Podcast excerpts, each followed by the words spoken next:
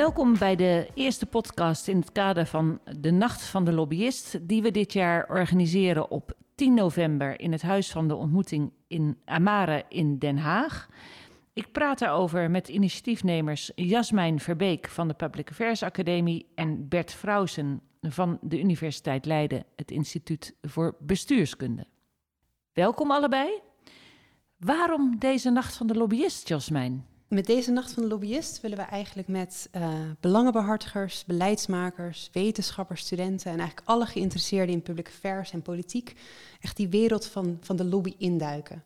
Om dat uh, dialoog wat we over lobby hebben in, in de maatschappij, in de politiek, um, te verdiepen, uh, nou, te verrijken, ook te nuanceren misschien omdat wij ook zien, nou, het debat wat nu over lobby en public affairs gevoerd wordt, is soms heel eenzijdig. Het is een beeld van, een beeld van uh, schimmigheid, achterkamertjespolitiek.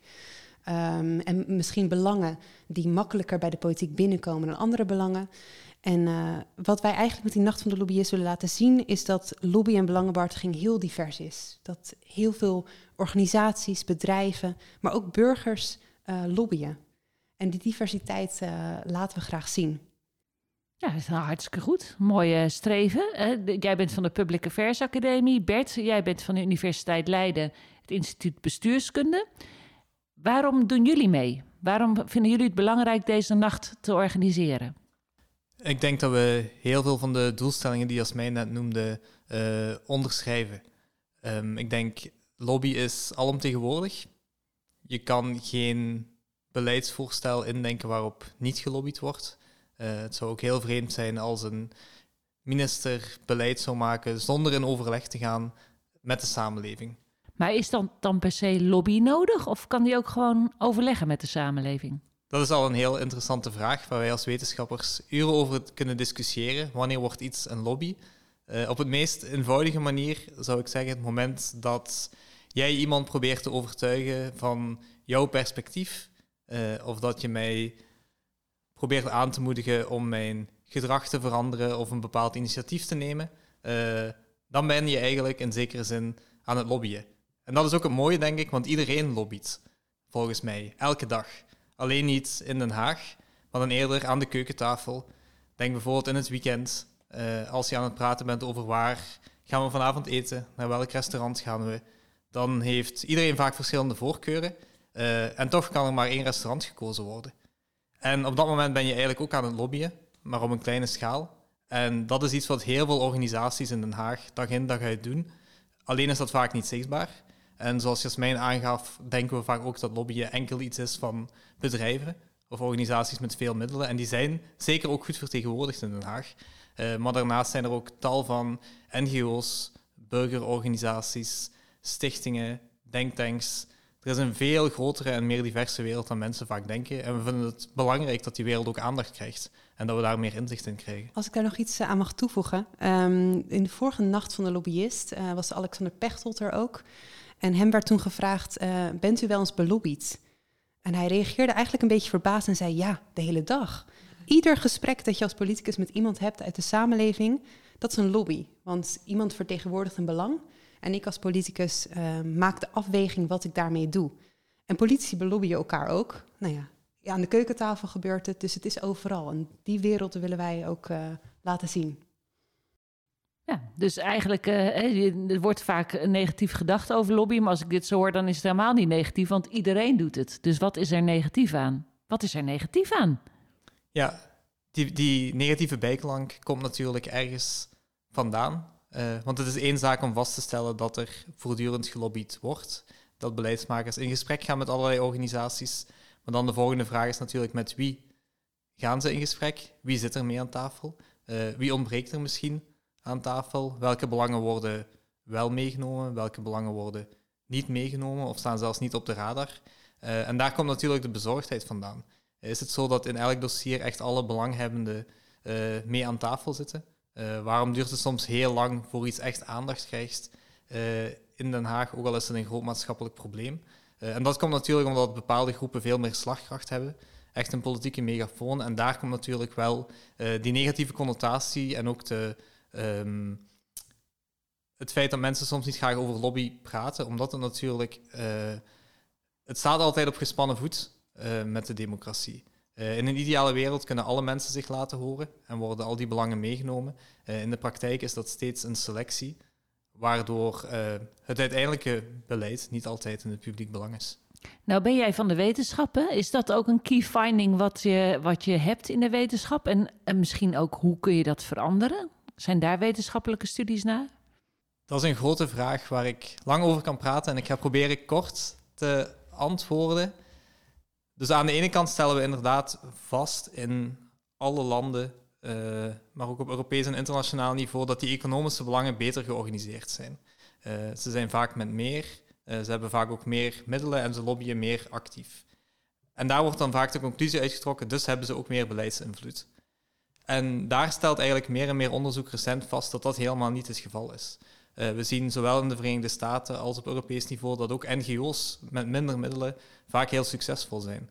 Uh, als ze slim kunnen kiezen op welke dossiers ze gaan lobben, lobbyen, als ze slimme coalities maken. Dus het is niet omdat bepaalde belangen dominant zijn in aantallen, uh, dat ze ook dominant moeten zijn in de besluitvorming. -mm. nou ja, de wetenschap, jij bent van Public Affairs uh, academie. Hè? Dus dat is niet uh, hetzelfde als uh, wat, wat Bert doet. maar hoe gebruik jij wetenschappelijke inzichten die je via Bert bijvoorbeeld krijgt in jouw werk? Nou, ik denk dat als je lobby in de praktijk beoefent, dat het heel erg fijn kan zijn om af en toe ook die spiegel van de wetenschap voor te houden. Om um, met elkaar in gesprek te gaan wat, het lobby, wat lobby toevoegt aan het politiek bestel. Ook de ethische grenzen van een van lobby.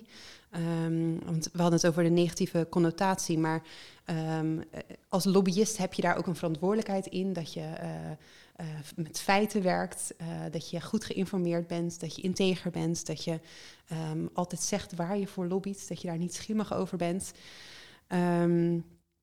En ik denk dat je dus door dat gesprek met de wetenschap aan te gaan ook je af en toe jezelf een spiegel voor kan houden en ook kan kijken van hé, hey, hoe gebeurt dat in, misschien in andere landen? Uh, wat, kunnen we daar, uh, wat kunnen we daarvan leren? Ja, en uh, hoe, hoe, hoe zie jij dat, Bert, die samenwerking met Public Affairs Academie? Um, ik denk dat, ik denk meer algemeen dat voor mij samenwerking met de praktijk, met professionals, is voor mij essentieel. Ik denk dat moderne wetenschappers ook die verbinding tussen wetenschap en praktijk heel belangrijk vinden. En er zijn zeker verschillen, zoals je terecht aanhaalt. We werken in andere werelden. Ik denk dat wetenschappers nog altijd meer geboeid zijn door zich echt te verdiepen in een probleem. En dat wij dan misschien vooral echt gedreven worden door dat probleem goed te kunnen begrijpen, goed te kunnen analyseren, van verschillende perspectieven te kunnen bekijken. Terwijl, ja, als je in de praktijk staat, dan, dan ben je toch, wil je graag een oplossing voor een probleem. En, en, en wij kunnen makkelijk een aantal maanden of jaren onderzoek doen. Uh, terwijl, ja, als er een probleem is, is er meestal ook iemand die graag een oplossing wilt en die vergisteren dan vandaag. Dus je zou kunnen zeggen, dan botsen die werelden toch voortdurend. En ergens is dat ook zo. Maar als je vaker met elkaar in gesprek gaat, als je begrijpt dat die werelden iets ander, anders werken, uh, dan kan het ook heel complementair zijn. Want ik ben er wel van overtuigd dat hoe meer inzicht je hebt in de verschillende aspecten en dimensies van een probleem, uh, hoe beter je ook met gepaste oplossingen kan komen. Maar daarvoor heb je wel een, een, gesprek, een open gesprek nodig en ook een gesprek dat eigenlijk voortdurend uh, op een meer structurele manier plaatsvindt. En dat is ook een van de redenen uh, dat we met de Nacht van de Lobbyist eigenlijk een jaarlijks weerkerend event willen hebben, waarop dat ook kan gebeuren op een heel open en creatieve manier. Ja, dat is hartstikke mooi. Hè? Daar streven inderdaad naar. Elke jaar een nacht voor de lobbyist. Uh, nou, wat ik in het begin al zei, dit is de eerste podcast. We vertellen nu nog niet heel veel over het programma, want daar komen we in andere podcasts uh, op terug.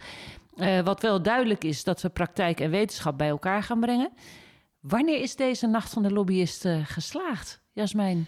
Ja, ik denk dat je uh, heel graag wil dat mensen geïnspireerd naar buiten gaan. En ook misschien wel met een, uh, nou, iets hebben geleerd van lobby wat ze hiervoor nog niet wisten. Dus misschien nou ja, hun idee van lobby een beetje hebben aangepast of verrijkt. Uh, en nou, met nieuwe energie ook dat weer gaan toepassen in hun werkveld. Heb jij er nog aanvullingen op, Beert?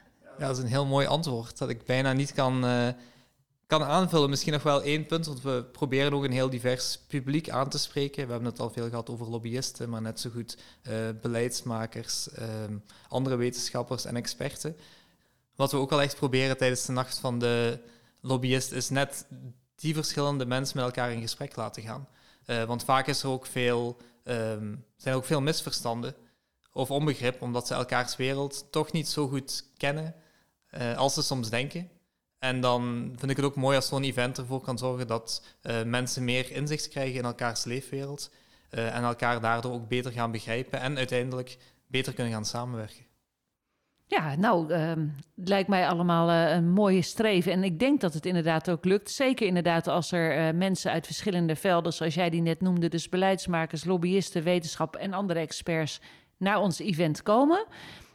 ik herhaal het nog een keer. het event is op 10 november in Amare, het Huis van de Ontmoeting en de Nieuwe Kerk die daarbij is, in Den Haag. Uh, en start om 7 uur s avonds.